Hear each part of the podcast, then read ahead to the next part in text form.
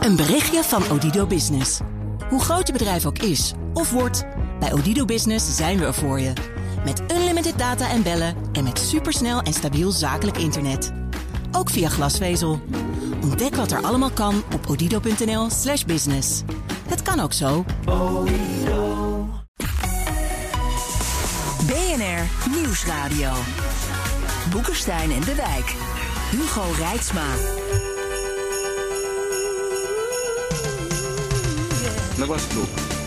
We said not an inch to the east.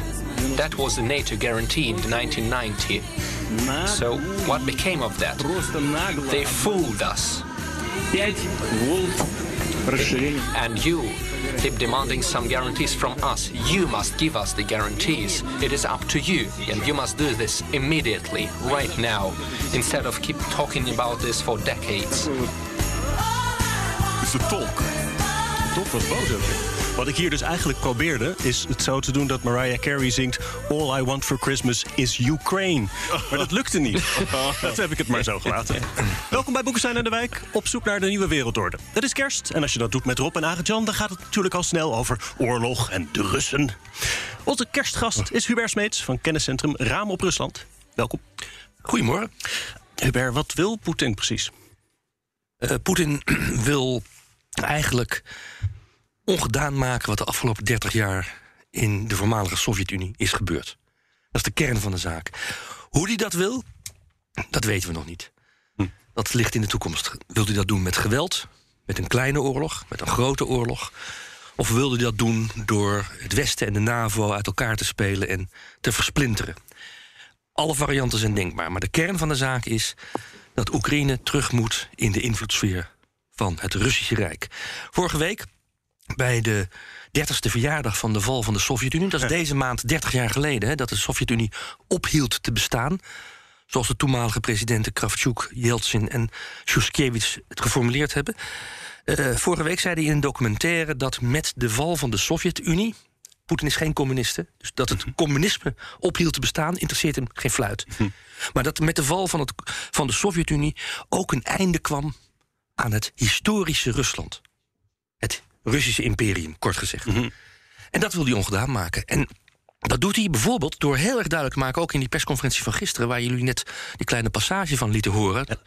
Uh, door um, eigenlijk alle afspraken die de, Rusland gemaakt heeft ten tijde van Yeltsin en de Sovjet-Unie ten tijde van Gorbachev gemaakt heeft als irrelevant te beschouwen. Hij hmm. snijdt die 15 jaar tussen 1985 en 2000 gewoon uit de geschiedenis. Dat is een anomalie en daar heeft hij als president van het huidige Rusland niets mee te maken. Geen boodschap aan. Nee. Rob, nou heeft uh, Poetin twee conceptverdragen, ook gewoon uh, op, op de ja. website van het Kremlin gezet, voor de NAVO en de VS. Uh, dat lijkt me een bijzondere gang van zaken. Ja, dat uh, kun je wel zeggen. Vooral omdat het uh, als een soort dictaat overkomt. Hij heeft uh, trouwens in een, in een discussie op het ministerie van Defensie... was dat volgens mij gezegd dat het helemaal geen dictaat is... maar dat er over gesproken moet, moet worden.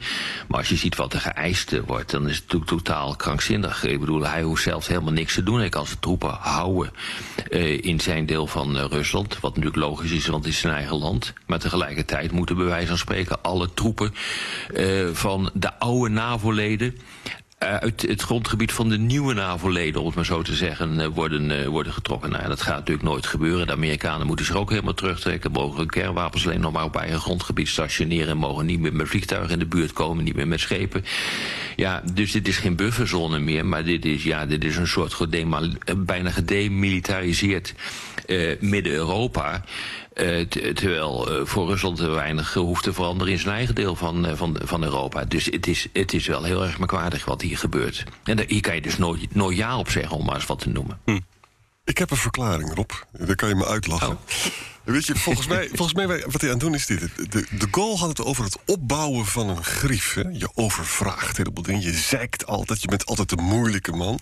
En, in, en, en uiteindelijk onderhandelingen, omdat je zoveel overvraagd hebt... dan krijg je toch wel iets. Kijk, het idee dat Oost-Europa wordt gedemilitariseerd... is natuurlijk volstrekte onzin. Maar wat misschien wel mogelijk is, niet op papier maar wel in een geheim overleg van... ja, natuurlijk is het zo dat de Oekraïne niet snel lid van de NAVO wordt. En dan moet je dan wel totaal geheim houden. Dat zou je er dus uit kunnen krijgen. Maar ja, aan de andere kant, dat, dat heeft hij natuurlijk nu ook al. Hij weet natuurlijk, hij weet gewoon heel goed dat, dat de Oekraïne geen lid van, van de NAVO wordt. Hè. En daarom begin ik een beetje bang te worden erop dat het misschien toch wat gaat gebeuren in de vorm van militair.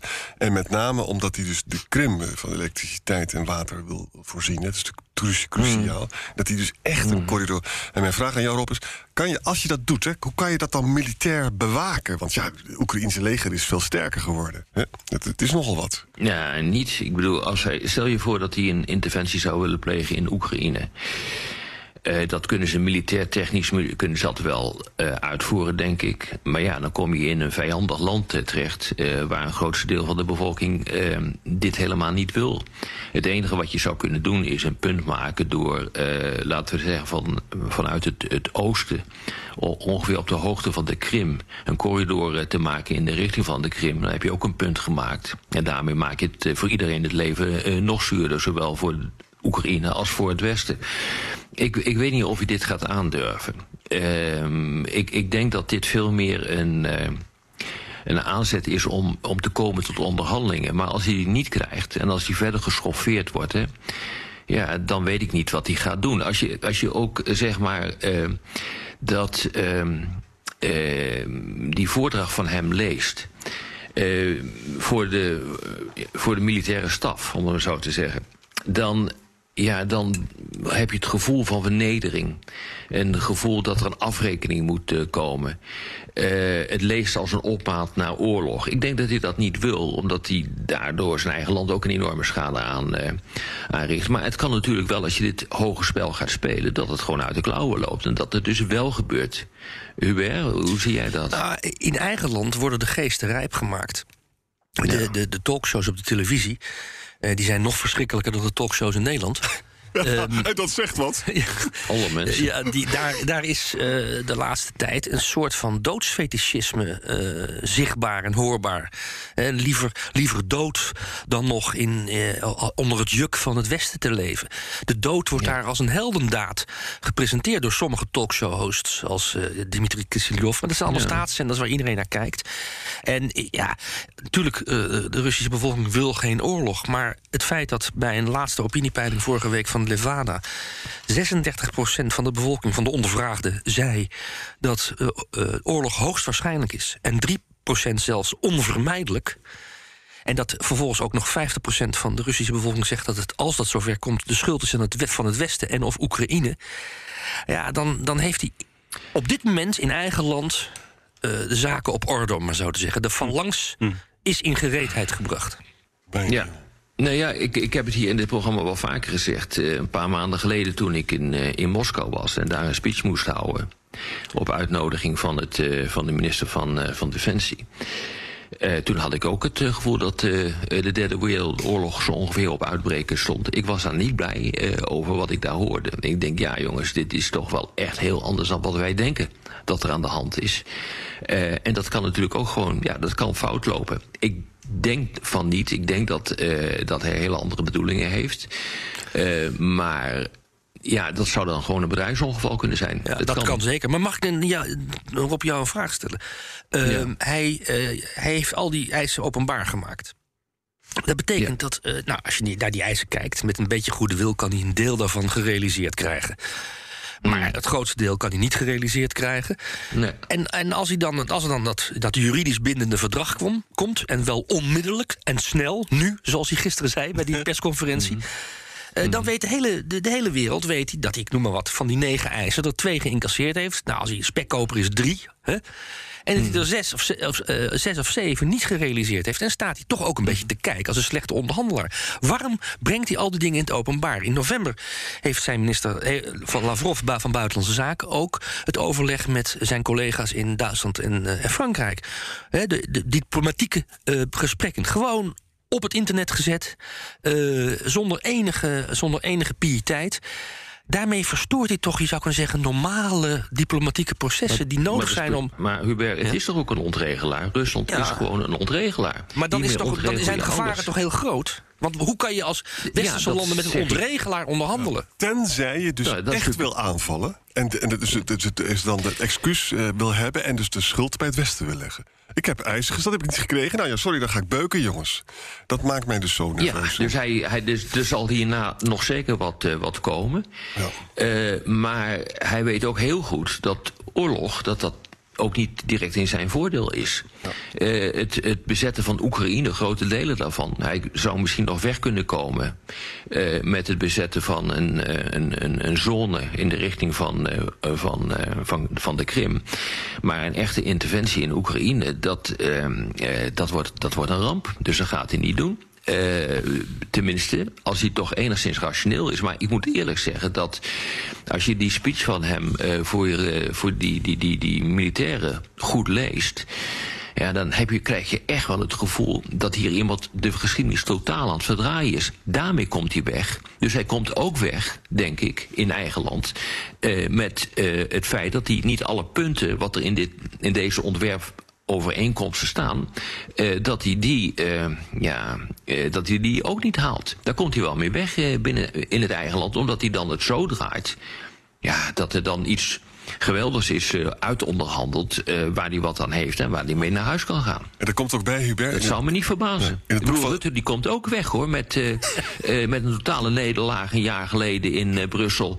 Waarin Ja. die moest akkoord gaan met eurobonds en al dat soort, soort zaken. Daar komt hij ook mee weg. Eh, En Hubert, dat- komt ook omdat in Rusland, weet je alles van. Het boek van Snyder legt dat heel mooi uit. Hè? Dat je dus voortdurend allerlei waarheden als waarheden presenteert. En wat mensen worden er helemaal tureleurs van. En ze weten het ook niet meer. En daarmee kan je ze toch heel goed manipuleren. Daar zijn ze goed in. Ja, of je, of je brengt ze in een staat van apathie. Ja, En mensen kijken, want Ja. die, die, die staatstelevisie wordt natuurlijk niet door de Russische burger in den brede geloofd. Maar men kijkt naar de televisie om te weten hoe de wind waait. ja. Eh, dus het is meer Maar zo Hubert, van. Hubert? Hubert, Hu- Ja? Hubert, ik, ik vond de reacties hierop eh, in Europa, in Amerika, tamelijk gematigd. ja. Ja. Wat is dat nou? Zien we nou gewoon niet wat hier aan de hand is?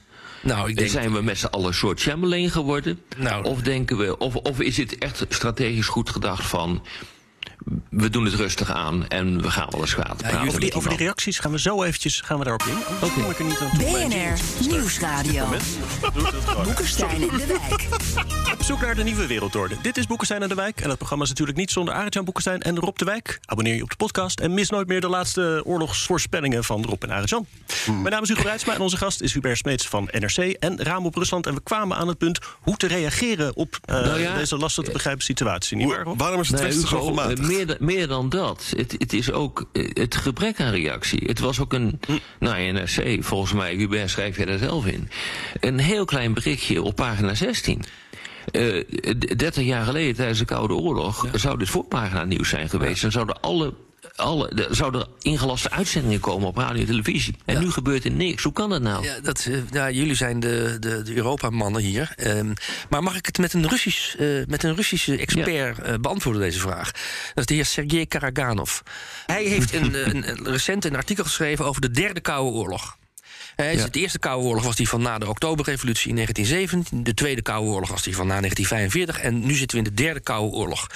En daarin schrijft hij dat de Russen een grote kans maken om deze Derde Koude Oorlog te winnen. Een grotere kans hebben dan om de Tweede te winnen. En wel omdat Ja. het Westen te zwak is. De Westen is decadent, het Westen is democratisch. In dat stuk staat letterlijk... als het Westen ook autoritair eh, zou worden bestuurd... zoals Rusland, dat stond er natuurlijk niet... maar dat, dat kon je er tussen de, de regels doorlezen... dan zou het voor Rusland veel en veel moeilijker zijn... om deze derde Koude Oorlog te winnen.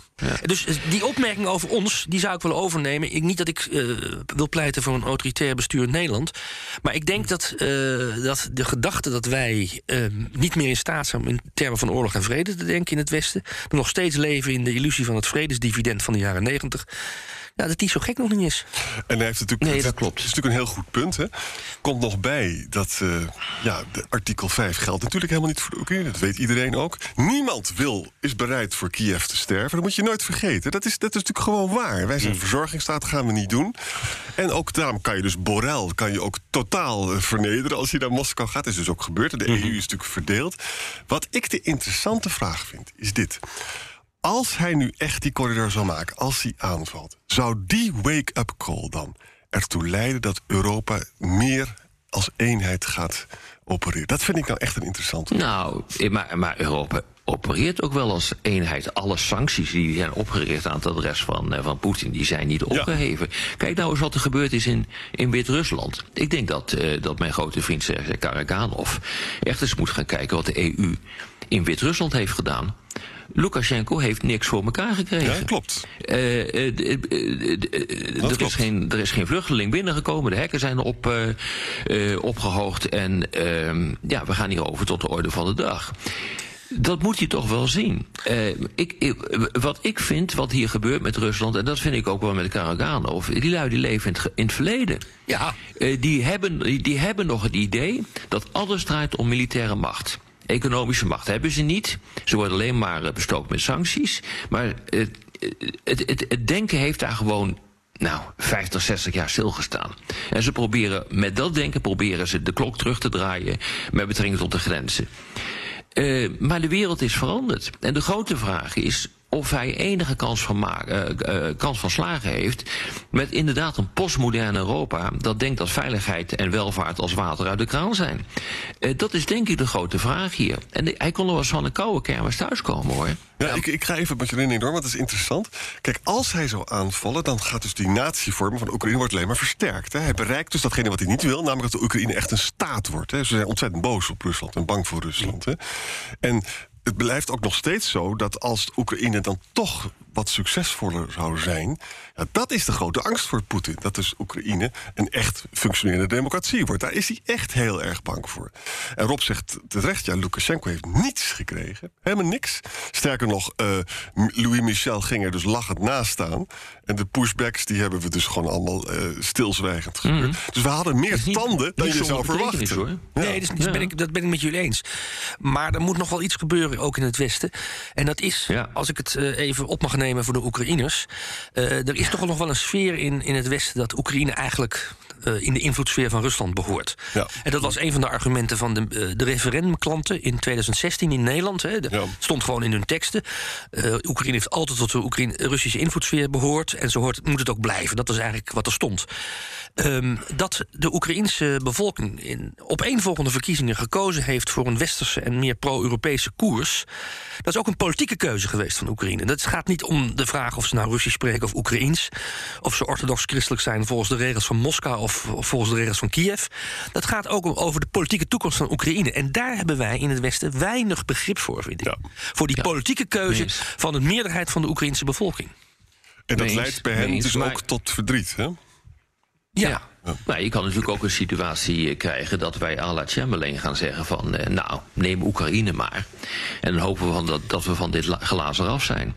Eh, dat zou me niet verbazen. Dus wat dat betreft was volgend jaar wel een belangrijk jaar hoor, in deze zin. Van hoe staat Europa hierin? En uh, gaan we de kant van Chamberlain uh, op? Of zeggen we nee, dit accepteren we niet en hier zetten we een rode lijn. Maar als je een rode lijn zet, wat ga je dan doen? Wat zijn daar dan de consequenties van?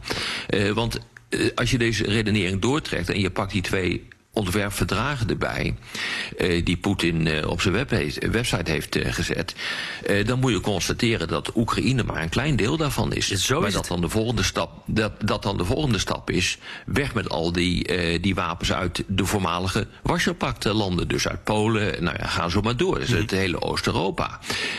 weg met Amerika uit de Zwarte Zee, weg met Amerika uit, uit, Amerika, uit, uit Europa. dus dat, dat, dat dat gaat dan stap voor stap uh, verder. Dus je moet hier wel een rode lijn neerzetten. En heeft het Westen dan iets om die rode lijn mee te verdedigen? Ik bedoel, je hebt eerder wel gezegd... Nou ja. het, het, dreigement dat wij ons afsluiten van Russisch gas... dat het misschien niet het sterkste is uh, wat je in nee, stelling dat, kan brengen. Nee, ik heb al gezegd... Ja, nee, dat, maar wat dan dat is nou niet het meest sterke, sterke argument... om iets voor elkaar te krijgen. Dat je zegt van ik doe mezelf wat aan als jij niet stopt. dus dat slaat helemaal nergens op. Ja. En de SWIFT is ook genoemd, hè? het internationaal betalingsverkeer... Ja, maar, maar, daar heeft ja, ook al een alternatief zal... voor? Ja, als, als we, we het Westen Rusland af zouden sluiten van SWIFT, dat internationale bepalingssysteemverkeer, dan zou dat misschien 3% de economische groei kosten. Dus dat valt, dat valt wel mee. Ja. En wat dan wel? Is er, ja, er is iets wat, waar de Russen kwetsbaar voor zijn? Nou, ik nou heb op lange termijn natuurlijk wel. Ik, ik heb iets meer vertrouwen in, in SWIFT, het afkoppelen daarvan als, als nucleair financieel wapen. Maar het is waar dat de afgelopen vijf jaar, want we praten al eigenlijk sinds 2014 over SWIFT dat er in Rusland allerhande maatregelen zijn genomen om dit soort, om dit soort sancties uh, te, uh, te beperken, de consequenties daarvan. Mhm. Uh, ik denk wel dat als we Nord Stream 2 niet certificeren, als we in Duitsland, uh, Duitsland. niet wordt gecertificeerd, dat toch, toch wel vervelend is hoor. Want die, weliswaar wordt er steeds meer uh, vloeibaar gas ver, verhandeld over de wereld. Maar die pijpleidingen zijn nog steeds wel van belang voor Rusland. Ja. En, en daar komt bij, en dat is een politieke en niet economische uh, aspect. Uh, driekwart van de Russische bevolking gelooft wel dat de toekomst van Rusland in Europa ligt. En, en, niet in China, wat Poetin ooit gezegd heeft. Ja. Dus uh, als Europa iets doet met de diversificatie van de eigen energievoorziening, met, met, met uh, Nord Stream 2, et cetera, dan zal dat politiek gezien toch wel effect hebben op een deel van de Russische bevolking. Niet op de meerderheid, maar wel op een deel. Zeker. Even, nee, even. Maar, maar Hubert, Hubert, op lange termijn is het wel redelijk dramatisch. Uh, er wordt dus nu ook gedacht achter de schermen over een totale handelsblokkade ja. met, met Rusland. Totaal. Nou, als je ook nog eens een keer zegt, wij gaan versnellen met betrekking tot de, de, importen van LNG, dus vloeibaar gas. En die schepen zijn nu al onderweg en daardoor uh, daalt op dit ogenblik ook uh, de energieprijs. En je gaat dat echt structureel maken. Geen handel drijven meer en geen gas importeren. Nou, dan heb je wel een, nou, een pakketje. Dan, dan, dan, gaat hij failliet. Dan gaat Rusland gewoon failliet. Zo simpel maar, is het. Maar jongens, op de korte termijn heeft Poetin toch wel een aardige troef. Hè? Want ik, ik, ik, dat klopt. Ik zag gisteren een programma. De gasprijs is krankzinnig hoog gestegen afgelopen dagen. De Jamal-pipeline dus, wordt een beetje geknepen. Uh, Rusland ja. houdt zich keurig aan de contracten. Heeft ze kennelijk zelf ook veel gas nodig. Maar het kan natuurlijk ook zijn dat dit het manipuleert. Nou, in de komende weken, die toch al heel spannend zijn. Als die gasprijs nog verder stijgt, dat heeft ook een on, heeft effect hm. op de hele equation. Toch? En ik vind het wel weer heel spannend hoor, wat hier gebeurt. Ja. Poetin doet het heel handig, hè? De druk is enorm. Nou, ik weet niet of hij zo handig doet. Het is heel tactisch. Maar uh, ik heb uh, Poetin, uh, Hubert, ik weet niet of jij het ermee eens bent, nooit kunnen verdenken van groot strategische inzichten. Ja, het is eens. echt een tactische, een tactische onderhandelaar. En een, een tacticus die op het hier en nu aan het schaken is, maar niet, niet in de toekomst. Kan ook dat hij zichzelf klem zet. Op de lange termijn zeker. Ja, dat doet hij zeker. Ja. ja wat mij, maar, maar, wat mij wel zorgen baart, ondanks uh, het feit dat zijn strategisch vermogen misschien wat minder groot is dan wij denken. En wij hebben ook, leven ook in het cliché dat alle Russen kunnen schaken. Hè? uh, ja. ja. dat is echt, toch echt niet waar. Maar um, heeft trouwens de laatste uh, WK-ronde in schaken weer aangetoond. Ehm, maar um, wat mij wel zorgen baart is de, de toonzetting van Poetin. Ja. die persconferentie gisteren ook. Het was, het was toch, ja het klinkt een beetje nuffig uit mijn mond en uit onze mond. Maar het was wel heel ordinair hoor. Taalgebruik. Ja. He, dus niet, ja. hij, uh, we zijn besodemieterd. Uh, het, moet onmiddellijk, het antwoord moet onmiddellijk komen en wel nu. Uh, we, hebben, we zijn bedrogen al 30 jaar lang. Dat is niet waar. Maar los even van de vraag of er ooit is afgesproken dat de NAVO geen stap oostwaarts zou zetten. Ehm, de manier waarop hij dat zei en de manier waarop hij ontkende enige verantwoordelijkheid te dragen voor het beleid en de besluiten en de handtekeningen die Gorbachev en Yeltsin gezet hebben, uh, dat baarde me wel zorgen. En Rusland beschouwt zich ja. tegenwoordig grondwettelijk als de erfopvolger van de Sovjet-Unie. Ja. Uh, dus de, de pretenties zijn ook heel hoog. Ja. Oh, wat dat betreft, uh, Hubert, is echt dat verslag... dat kan je ook op de, pre, uh, de website van de president van Rusland vinden... van zijn meeting met wat, ja. wat hij noemde de Defense Ministry Board... Ja. is echt interessant hoor. Ja, waar die, die, dat moet die je technisch gewoon even lezen. En dan dat, dat, heb ik gelezen, die, die, waar hij die technisch-militaire maatregelen aankondigde. Ja. Ja, ja, onder andere. Maar wat ook interessant is, en toen dacht ik, jongens, waar maak je nou druk om? De minister van, uh, van Defensie, uh, die zegt dan... Ja, het wordt wel echt heel erg bedreigend hoor in, in, in, met de NAVO. Want totaal hebben de Amerikanen 8000 uh, militair gestationeerd in Oost-Europa. 8000? Ja. Je hebt er zelf, god beter, bijna een half miljoen gestationeerd aan de grens uh, van, van Oekraïne en de Baltische Staten. Ik bedoel, waar ben je mee bezig? Waar maak je bang voor? Waar ben je bang voor? Of is je krijgsmacht zo verschrikkelijk waardeloos dat je niet uh, kan verdedigen tegen 8000 Amerikaanse militairen. Ik begrijp dit niet hoor. Daarmee uh, ronden we af op de radio. Maar de podcast gaan we door met luisteraarsvragen. Hoort u ons op de radio, dan verwijs ik naar boekensteinendewijk.nl of uw favoriete podcast-app. En onder de vragen moeten we eerst even naar die van Balansdenker. Want uh, Rebecca stuurde daar achteraan... willen jullie deze vraag beantwoorden? Anders zit ik op kerstavond met een zagrijnige man. nou, we, we zullen Rebecca ter dienste zijn. huh? uh, de vraag was... waarom is het zo stil vanuit de EU? Wat kan en moet de EU doen in zaken Rusland? Uh, de Minsk-akkoorden 2.0 of een Jalta 2.0? Ja, dat is een interessante vraag. Het, het, grappige is, de EU wordt niet geadresseerd. Dat valt mij ook altijd op. Ik kom er echt een paar keer per jaar in Rusland. We horen een paar keer per jaar uh, die hele top aan. De EU wordt nooit gebashed. Het is altijd NAVO en Amerika. Amerika in de eerste plaats, dan NAVO in de tweede plaats. Omdat ze vinden dat de Europese NAVO-landen allemaal aan de leiband lopen van, uh, van de Verenigde Staten. Maar de EU wordt nooit gebashed. Dat is echt heel erg heel erg opmerkelijk, uh, vind ik. Terwijl de oplossing bij de EU ligt van dit uh, probleem. Handelsakkoord of juist het stopzetten van de, van de handel. Dat hebben we ook gezien met betrekking tot Wit-Rusland. Ook daar speelde de EU een cruciale rol in. Niet de NAVO. Dit is helemaal geen probleem van de NAVO meer. Dat is in Europa al lang doorgeschoven naar de Europese Unie. Ja, en het komt ook omdat ze de Europese Unie niet serieus nemen. Dat vinden ze -hmm. niet slagvaardig. Nou, die, ik denk dat ze die wel. Nou, vreemd genoeg vind ik dat ze de Europese Unie juist ontzettend serieus nemen. Want tijdens de coronacrisis, nou ja, die loopt nog steeds. Dan hebben ze natuurlijk ook helemaal niets voor elkaar gekregen met hun hulpgoederen. Met From Russia with Love aan Italië en een aantal andere landen. Gewoon niks. Um, ze hebben geen handelsakkoord gekregen, ze krijgen sancties. Nee, de, de, de grootste dreiging voor hem, hem, zit helemaal niet bij de NAVO, zit bij de Europese Unie. En dat voelen ze elke dag. Dat is waar. Ja, maar omdat, zoals, uh, zoals je, je, zei in, in, in de eerdere fase van deze podcast... Ja. Um, de, omdat Poetin leeft in de 19e eeuw... Ja. En eigenlijk terug wil naar het Weense congres van 1815. Imperiaal. Ja, klopt. Uh, ja, dat is het. Bestaat Europa ook in zijn, in zijn denken niet als een, als een politieke entiteit? Ja, ze willen met de Fransen praten, nee. met de Duitsers praten, maar niet Ja, maar in dit geval ook niet. In dit geval ook niet, nee. Want... nee het is, het is in, wezen, in wezen onderhandelen ze alleen met de Amerikanen. En NAVO is in hun ogen natuurlijk een Amerikaanse frontstore. Exact. En, uh, en daar spelen wij geen rol in in de ogen van... En, en ze vinden het natuurlijk heerlijk als je alleen maar met Biden praat... dan schoffeer je ook weer extra de EU, want uiteindelijk uiteindelijk wil je natuurlijk de EU altijd uit elkaar spelen. Is ook een 19e eeuwse gedachte. Absoluut. Mm. Ja. Poetin heeft ooit gezegd dat de hoogtepunten in de, parlementaire, de diplomatieke geschiedenis van Rusland het congres van Wenen zijn van 1814, 1815 mm -hmm. en, en, de conferentie van Jalta van 1945. Ja, ja. Nou, dan weet je wat nou zijn wereldbeeld is. Dat is natuurlijk ook het hele punt. Mij, mij, werd gevraagd, expliciet door, een, uh, door de uh, belangrijkste adviseur van, uh, van Shogun, de minister van Defensie, om in Moskou iets te zeggen over Jalta 2.0. Nou, dat is precies waar dit om gaat. Ik zei, nou ja, dat wil ik wel doen. Maar dat zal iets zijn wat je niet bevalt. Want wij Europeanen, Amerikanen, die zullen nooit toestaan... Uh, dat een uh, land niet kan bepalen bij welke club het uh, zou willen horen. Dus, en dat heb ik ook gezegd.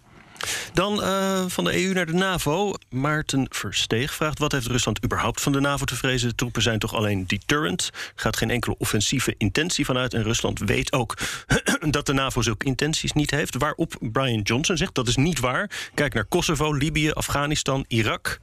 Uh, beïnvloeding uh, die leiden tot de Maidan-coup. Hoe, hoe offensief of defensief kan je de NAVO nou noemen? Ja, dat is een goede vraag, want dit wordt natuurlijk ook in al die speeches aangehaald door de Russen. Van kijk eens wat je allemaal gedaan hebt. En je roept altijd dat het internationale recht zoveel waard is. Maar je doet de ene interventie naar de andere zonder een mandaat van de VN-veiligheidsraad. En daar heeft hij natuurlijk helemaal gelijk in. Dat klopt ook.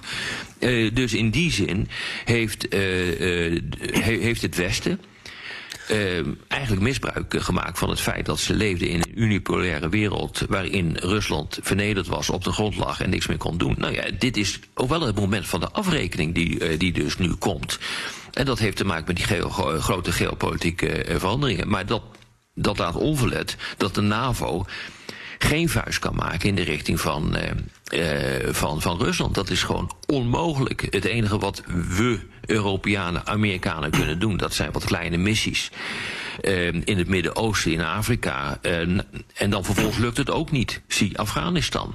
dus dat is wat we kunnen. Maar wij zijn niet meer ingericht op collectieve defensie. Dat is het hele punt. Of, een, of het uitvoeren van grote strategische aanvallen, dat is onmogelijk. En Oekraïne is geen lid van de NAVO, dus geen artikel 5. Dat weet Poetin allemaal. Klopt. we leven dus in de krankzinnige situatie dat de Russen op de tv te horen krijgen dat wij op het punt zouden staan om aan te vallen. Terwijl dat totaal niet waar is. En het ook iedereen weet, zelfs Biden zegt met zoveel woorden in de zin van: ja, wij gaan we gaan natuurlijk niet ons op, on this stage, we gaan ons niet militair daar natuurlijk mee bezighouden. Wordt gewoon gezegd, zoals Obama heeft het ook gezegd. Dus dus met andere woorden, ja, het is. Het, als, als het een militair... Maar je komt weg met, met lulkoek, uh, ja. uh, Arend Jan. Wat ik dus net heb gezegd van Shogu, die zich verschrikkelijk druk maakt om 8000 Amerikanen. Ja. met een krijgsmacht. Het staat echt helemaal nergens. Aan de grenzen van, van honderdduizenden. Ik bedoel, en daar kom je mee weg. Ja. Dat kan je met droge ogen uh, zeggen. Dat is heel erg merkwaardig hoor. Ja. Er zijn enkele honderden Amerikanen, zijn Oekraïense jongens aan het trainen. Ook een paar Britten schijnen er rond te lopen. Dat, that's, that's all. Ja, de Amerikaanse, voormalige Amerikaanse ambassadeur van Obama in, in, uh, in Moskou, Michael McFall, echt een hele grote jongen in Amerika als het gaat om slavistiek, uh, Ruslandkunde, Sovjetologie. Ehm, die maakte wel een goede grap naar aanleiding van de eisenpakket van de, van de Russische regering. Die zei: Nou, dan heb ik ook wel een contract voor een, een verdragsvoorstel. Ehm, de Russen trekken zich terug uit Abhazie. De Russen trekken zich terug uit Zuid-Ossetië, van Georgië, mhm. uit uh, Transnistrië, Moldavië. En uh, laatste puntje, puntje 6. Ehm, uh, de Russen herbevestigen hun handtekening onder het memorandum van Budapest van 1994. Zo is het. Waarin Oekraïne in ruil voor het opgeven van kernwapens een min of meer vage garanties kreeg voor, haar, voor zijn territoriale, politieke, economische en militaire soevereiniteit. Hm.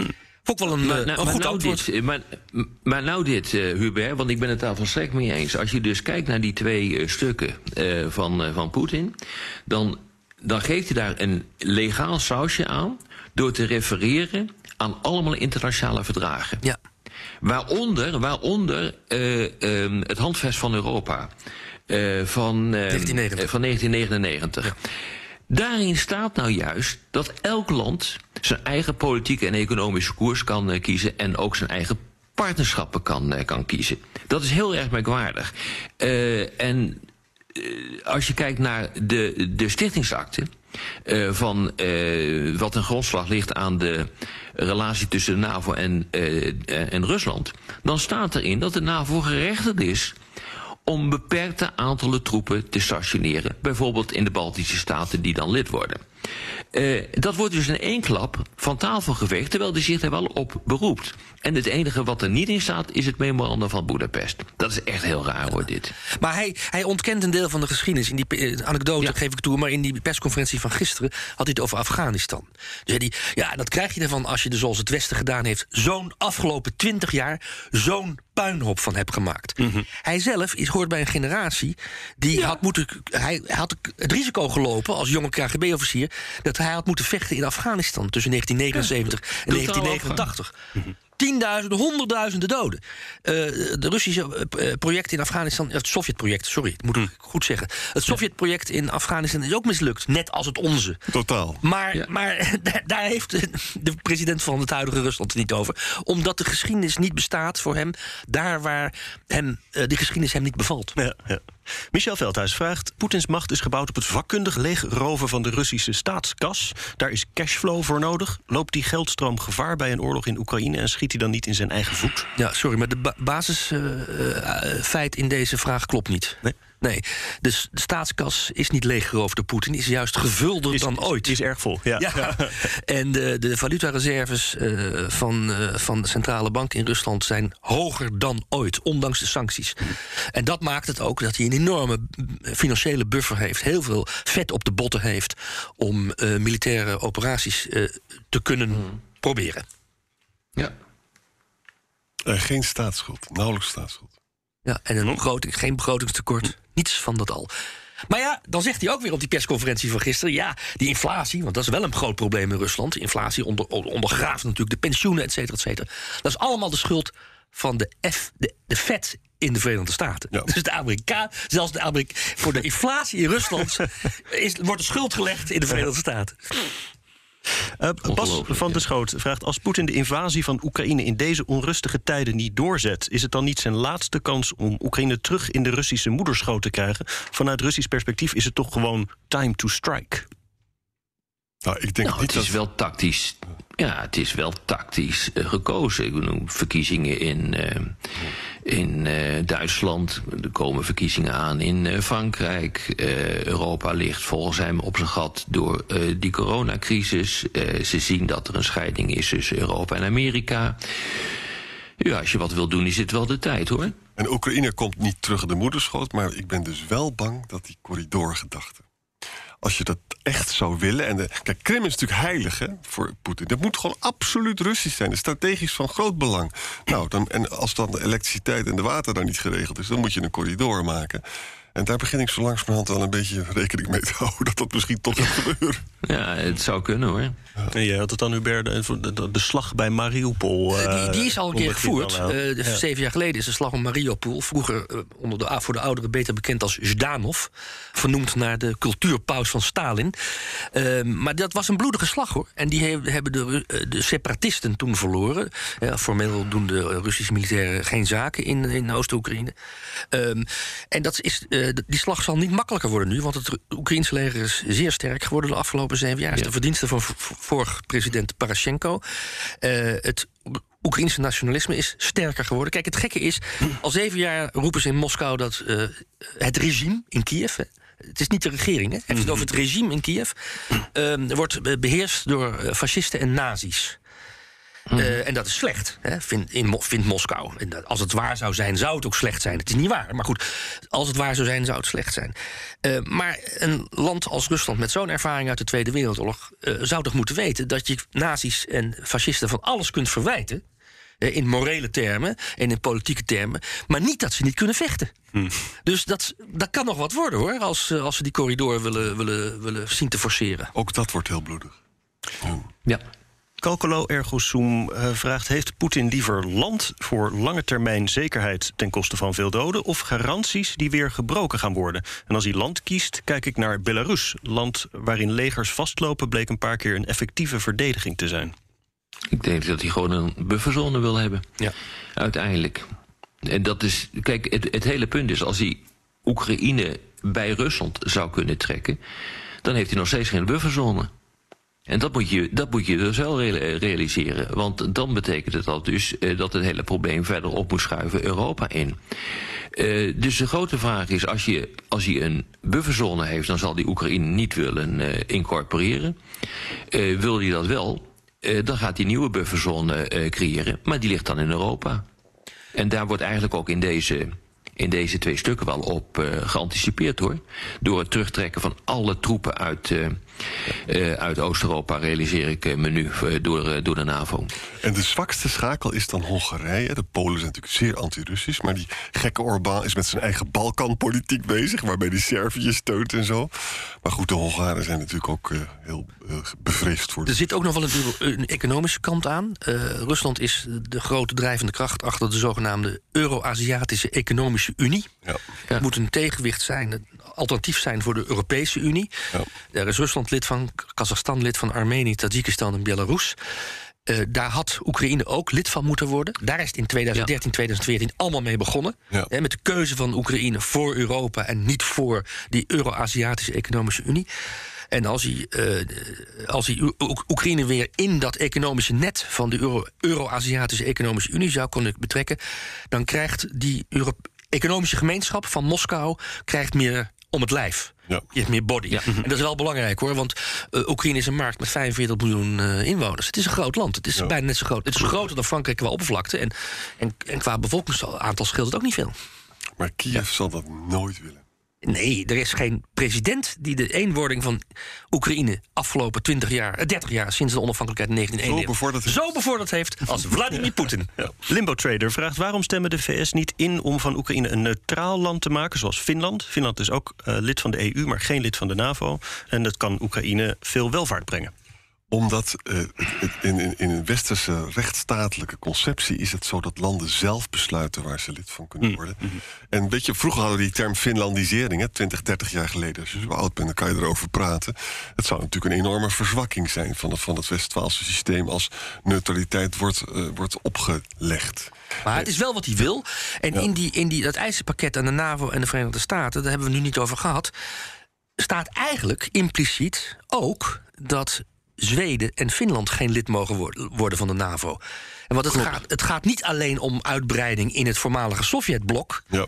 Maar het gaat ook om deze twee landen. Mhm. Daar moet ik tegenover inbrengen dat hij uh, gisteren bij die persconferentie, story dat ik er weer op terugkom, het steeds had over de twaalf landen die uiteenvielen in uh, eh, 1991 van de Sovjet-Unie. En er dus drie, want de Sovjet-Republiek had 15 deelrepublieken, dat drie niet noemt. En het zou kunnen zijn dat die drie die die niet noemt, Estland, Letland en Litouwen zijn. En dat in die zin Finland en Zweden een beetje rustiger kunnen ademhalen dan Oekraïne. Ja. En dat opleggen van neutraliteit is ook een 19e-eeuwse gedachte. Dat deden we in 1830 met België natuurlijk ook. Hè? Dat de, hoge heren besluiten dan even wat er, wat er gebeurt. Ja.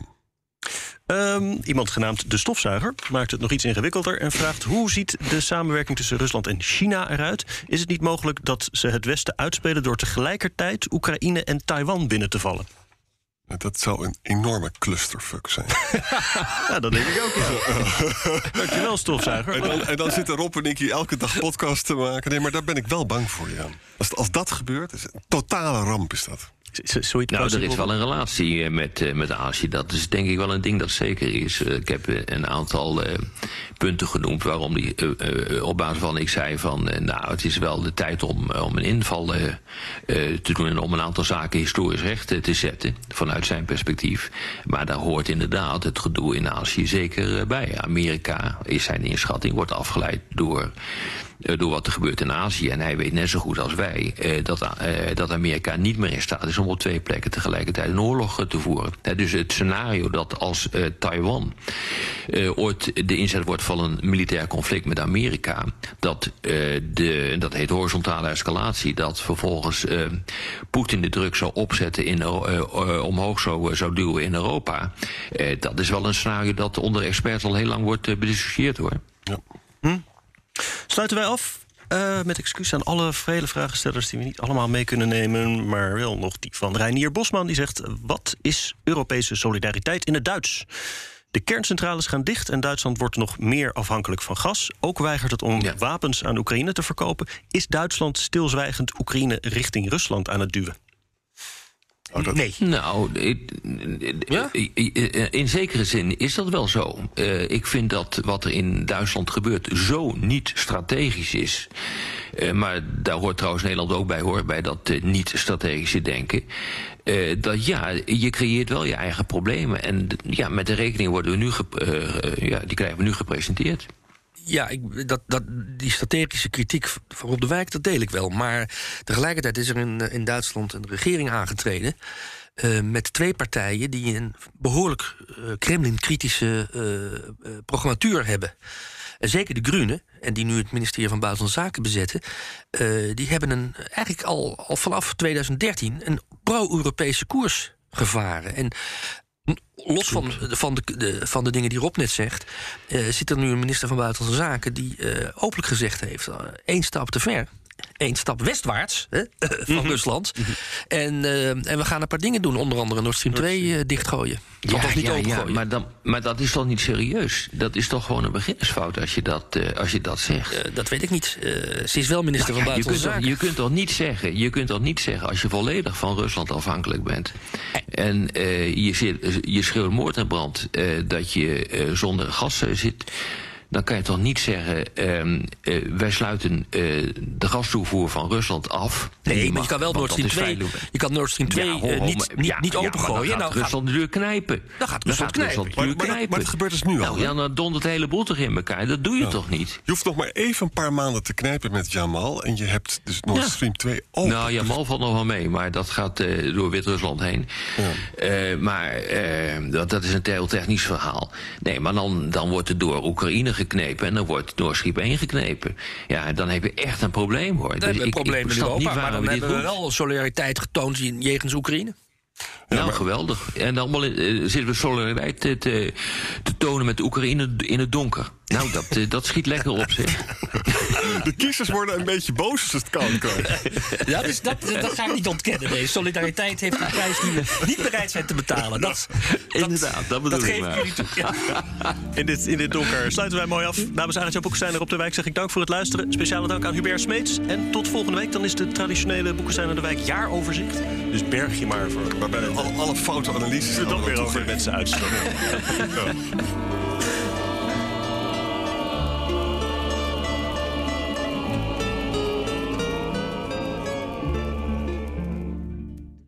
Een berichtje van Odido Business. Hoe groot je bedrijf ook is of wordt, bij Odido Business zijn we er voor je. Met unlimited data en bellen en met supersnel en stabiel zakelijk internet. Ook via glasvezel. Ontdek wat er allemaal kan op odido.nl/slash business. Het kan ook zo.